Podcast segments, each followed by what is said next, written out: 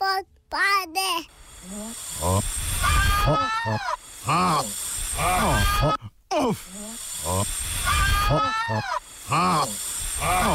Offside. Kolo za oglas.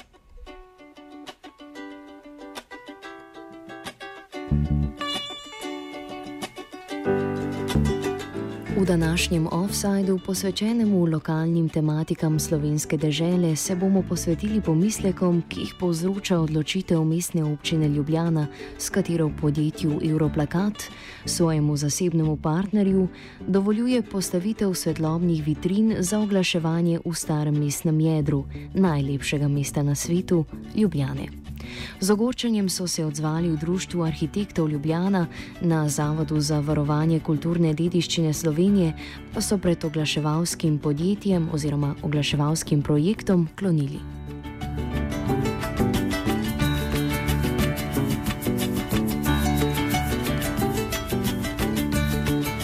Mestna občina Ljubljana in njen partner podjetje Europlakat namreč sodelujeta pri postavitvi postaj mestnega kolesa Bicikl-J, ki ga Europlakat sofinancira v zameno za sofinanciranje mu občina dovoljuje postavitev svetlobnih vitrin in to v starem jedru Ljubljane.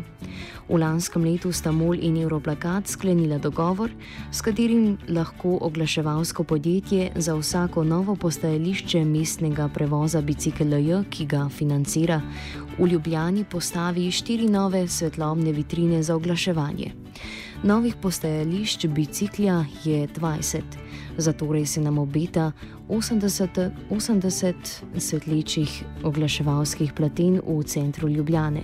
A postavitev svetlobnih oglasnih vitrin na prenovljeni slovenski cesti se je pričela že pred dokončnim dogovorom med Europlakatom in Molom.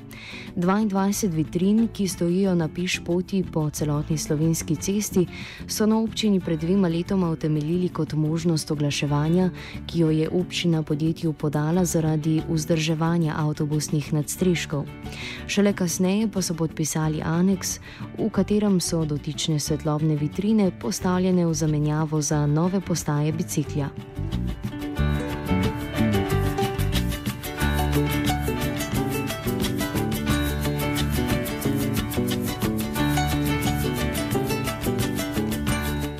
Kje je takšne vrste oglaševalskih objektov dovoljeno postavljati, odloča Zavod za varovanje kulturne dediščine Slovenije, ki za postavitev izda tudi posebno dovoljenje. V primeru postavitve novih 80 svetlobnih vitrin v mestnem jedru so prvotno predlaganih 72 lokacij zavrnili. Na zavrnjene lokacije se je občina pritožila, pritožbo pa kasneje tudi umaknila. Razlog za to je bil ponovni terenski pregled lokacij, kjer bodo stale nove oglaševalske vitrine, po katerem so na zavodu odobrili postavitev 40 svetlobnih vitrin. Zavrnili so postavitev vitrin na nabrežju Ljubljanice ter v Miklošičevem parku.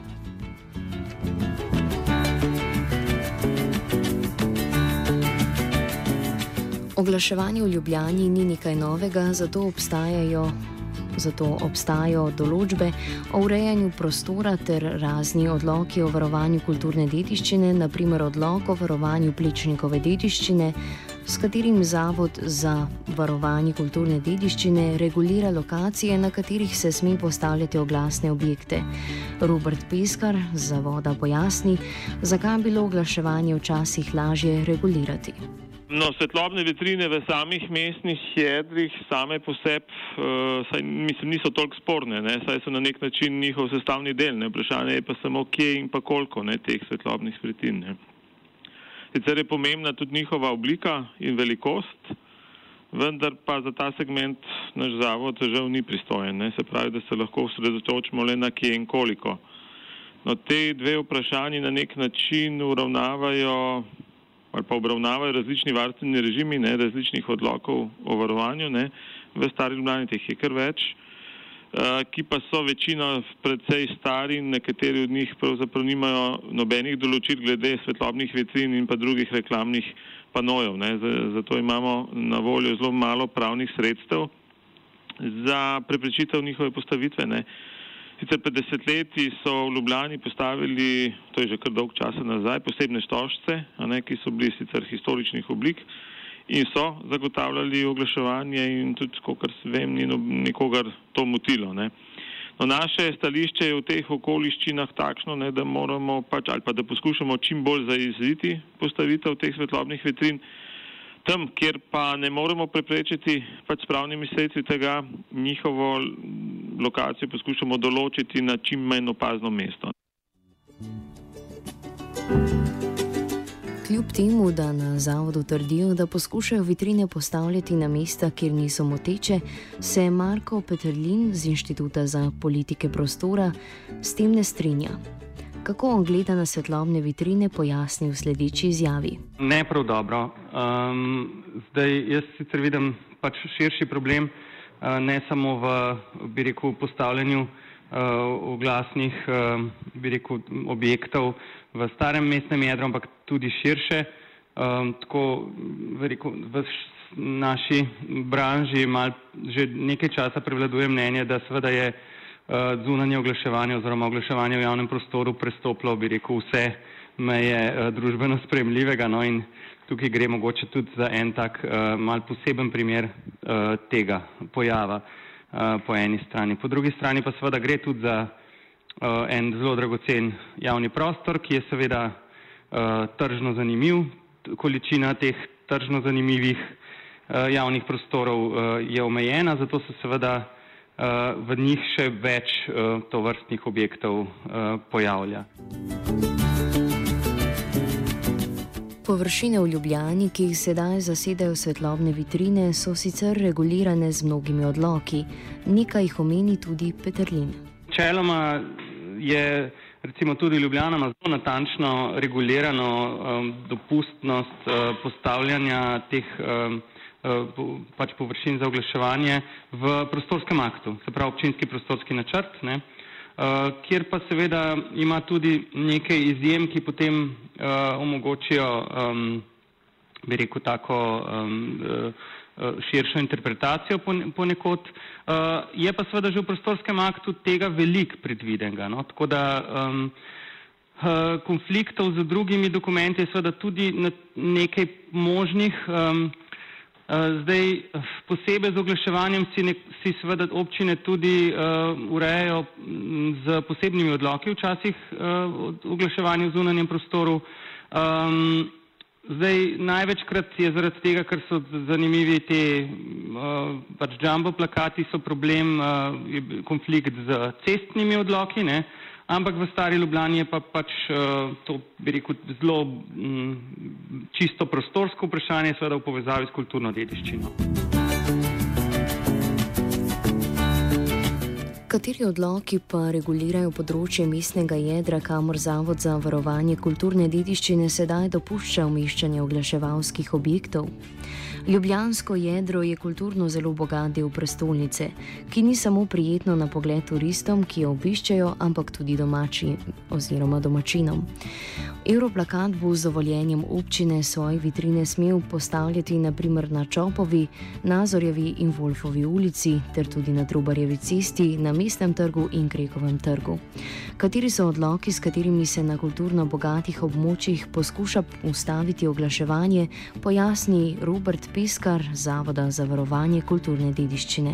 Zdaj, določbe so uh, recimo pri Plečnikovi, uh, torej pri odloku o varovanju Plečnikove dediščine, tukaj je seveda zadeva eksplicitna. In sicer tam je točno navedeno, da so pač prepovedani objekti traj, uh, torej začasnega ali trajnega značaja, predvsem te nosilci reklam, reklamni nosilci in tako podobno in tukaj tam ni dvoma in tukaj to smo se držali ne tega. Uh, Medtem ko pri ostalih je pa samo navedeno, da ne smejo eh, recimo eh, postavitve začasne ali pa trajne eh, oziroma motiti vedute na posamezne pomembnejše objekte. Občini za takšne določbe mnogokrat očitno ni mar. Tako lahko danes opazimo svetlobne vitrine tudi v križankah, plečnikovem delu. Občina namreč občasno dopusti postavitev svetlobnih vitrin na lokacijah, za katere niso pridobili soglasja. Več Robert Peskar. Ja, moram reči samo to še na koncu, ne, da vendarle opažamo, da je veliko teh uh, lokacij, ne, ki, kjer, je, kjer stojijo te vitrine, da so postavljene ne v skladu z, z, torej z našimi soglasji in tako naprej, ne predvsem v območju recimo Križank. Uh, zdaj, ostalo, ostalo uh, se pravim, večinoma, večinoma teh uh, vitrin pa tako, stoji tako ali pa na takšen način, da skoraj da ne moti ali pa ne moti, uh, bom rekel, splošnega izraza kulturne dediščine, kulturne dediščine v mestnem jedru. Od zavoda, ki skrbi za varovanje kulturne dediščine, se pričakuje ukrepanje v primeru, ko pride do postavitve objektov na črno. Piskar pojasnjuje, da so s prijavo na Inšpektorat Republike Slovenije za kulturo in medije svoje delo upravili. Mi uh, podamo pač v skladu z uh, zakonskimi predpisi uh, prijavo, pisno prijavo na Inšpektorat za kulturo in medije pri Ministrstvu za kulturo. Uh, in s tem je pravzaprav nek, na nek način naša, naše poslanstvo končano, ker potem pač predamo Eh, drugim, torej inšpekciji eh, zadevo, a ne zdaj, kako pa tam teče, boste mogli pa njih eh, vprašati. Inšpektorata so sporočili, da nam sogovorca ne morejo zagotoviti. Marko Peterlin z Inštituta za politike prostora pa meni, da so to vrstne kršitve zrele za prijavo na gradbeno inšpekcijo. Če je na črno postavljeno, sploh ni vprašanje, je stvar za gradbeno inšpekcijo. Jaz moram reči, da do zdaj nisem bil z vsakimi posameznimi primeri seznanjen, uh, tako da tega niti ne vem, ampak pač, če, če je nekdo sumi, da je nekaj na črno postavljeno, sledi prijava na gradbeno inšpekcijo, ki je dolžna ukrepati. Um, tako da tukaj jaz mislim, da je zgodba čista in take pač potem pač gradbena inšpekcija.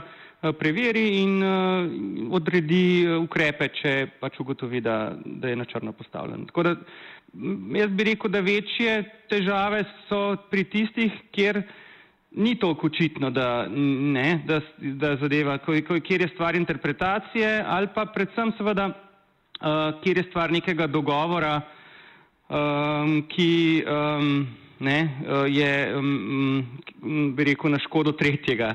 Če sem zelo konkreten, v primeru mestne občine Ljubljana gre verjetno seveda za nek dogovor med uh, mestno občino, um, uh, Europlakatom in uh, verjetno tudi pač uh, soglasodajalcem z vidika kulturne dediščine. Um, na seveda škodo um, uporabnikov javnega prostora Ljubljane, um, ki so sicer poleti pogosto turisti, sicer pa smo to večinoma kar lepo meščani. Tokrat je očitno Zavod za varstvo kulturne dediščine klonil pred mestno občino Ljubljana, odkuder so v pisnem odgovoru na naše vprašanje odgovorili le, da je v pogodbi, ki ste jo sklenila MOL in Europlakat, zapisano, da podjetje Europlakat DOO postavi in oskrbuje 20 novih postajališč za sistem BCKLJ, v zameno pa MOL dovoli postavitev 80 malih svetlobnih vitrin.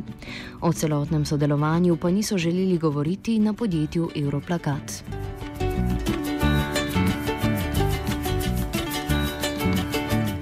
Kljub temu, da je najbolj očiten problem, ki ga predstavljajo svetlobne vitrine v mestnem jedru, kazanje podobe starega mesta, je problematika širša in sega od elektrike, ki jo uporabljajo svetlobne vitrine, pa do omejevanja prostora pešcev in kolesarjev, ki se gibljajo v mestnem jedru. Več Marko Petrlin da ne gre samo za, um, za te konkretne svetlobne vitrine, ki so zdaj uh, aktualne, ampak da se vsake tako rekoč par tedensko pojavljajo novi m, primeri, ko, uh, ki so sporni no, z vidika um, ali umestitve ali izgleda uh, ali uh, pač ne vem, uh, uporabe javnega prostora in, in uh, da je pač nereguliranost oziroma slaba reguliranost tega področja um, in, in izjemna, bi rekel, neučinkovitost pri nadzoru um, pač um, presegla meje družbo, družbeno spremljivega. No? Da, da pač tukaj pričakujemo neko ukrepanje pristojnih uh, tako države kot občin, da, uh, da pač um, postavijo meje, no? kratko malo. Da, um, uh, ne vem, ali gre za svetlobno nasnežanje, skratka porabo energije, um, ali pa za pač fizično uh, oviranje. Um, razno razni vidiki pravzaprav tukaj. In seveda tudi treba je upoštevati to, da um, se v, uh, oglaševanju v javnem prostoru ne moreš izogniti. To ni tako kot v televiziji, ko preskočiš reklame ali pa na internetu, ko je pač ne klikneš, če ti, če ti ne ustreza. Tukaj pač se temu ne moreš izogniti in, in se zato tiče prav vseh. Čeprav ljubljančani živijo v mestu, kjer so za ceno mestnega kolesa pred oglaševanjem popolnoma varni le v parkih, pa ni povsod tako. Marko Peterlin predstavi nekaj primerov mest, kjer je oblastem in prebivalcem uspelo doseči lepšo mestno okolico, ki ni prenasičena z oglaševanjem. Grenoble je pač v evropskem merilu najbolj razupit primer zadnjih let. Uh, kjer se je pač eh, pravzaprav je bil župan, ta, ta aktualni župan izvoljen z obljubo, da bo na tem področju naredil red in je tudi se pač um, odločil um, preprosto prepovedati vse uh, oglaševanje v javnem prostoru, um, kar je seveda ena od um, predvsej radikalnih rešitev, ampak mrsikašno mesto je točno do tega spoznanja tudi že prišlo, že, že, drugot po svetu, da čez delnimi ukrepi, da pač ne morajo, ne, mo, ne uspejo um, regulirati uspešno in da je pač edina rešitev, ki jo lahko um, naredijo, pač popolna prepoved uh, oglaševanja in, um, in so potem šele s časoma lahko spet nazaj začeli posamezne oblike uvajati. Ne. To so poskušali recimo v Sao Paulo zelo uspešno, tudi mogoče v svetovnem merilu najbolj, najbolj poznan primer um, pa tudi že pač mrsikašna druga mesta. Offside je pripravila Rina.